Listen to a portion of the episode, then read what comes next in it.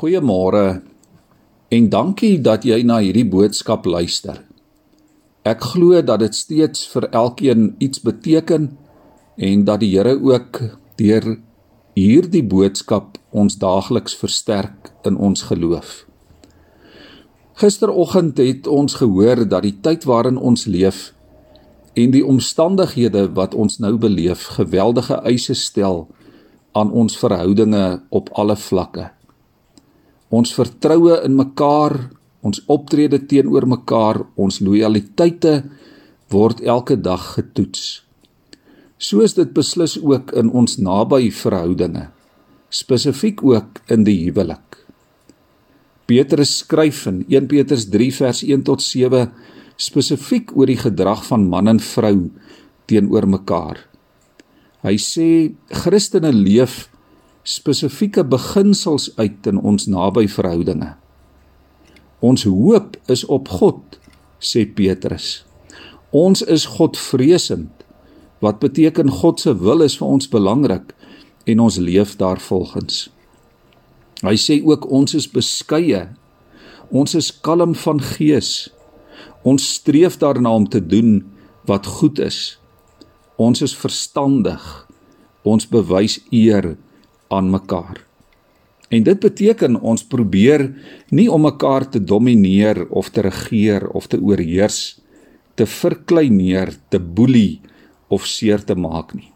Hoor hoe mooi stel hy dit hier in vers 7 van 1 Petrus 3. Hy sê: "Julle deel saam in die lewe as 'n genadegawe van God."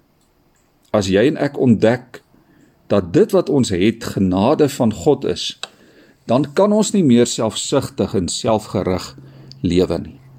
Hoe groter die besef van God se genade in jou lewe word, hoe kleiner word die eie ek. Ook spesifiek in ons naby verhoudinge as man en vrou, dan ook in die huwelik. Hy sê verder in vers 7: As dit waar is As jy en ek ontdek God se genade is groter as die eie ek, dan sê Petrus, sal jy kan bid sonder dat iets julle hinder. Hoor ons dit vanmôre. As jy vrede het met jou heel naaste naby mens, met jou man of jou vrou, sal jy ook vrede hê met God. Natuurlik is die omgekeerde ook waar. As jy vrede het met God, sal jy vrede hê met jou man of jou vrou. Jy sal kan bid sonder dat iets jou pla. Jou gewete sal in vrede rus. Ons leef in 'n tyd, liewe vriende, van baie sogenaamde klem op menseregte.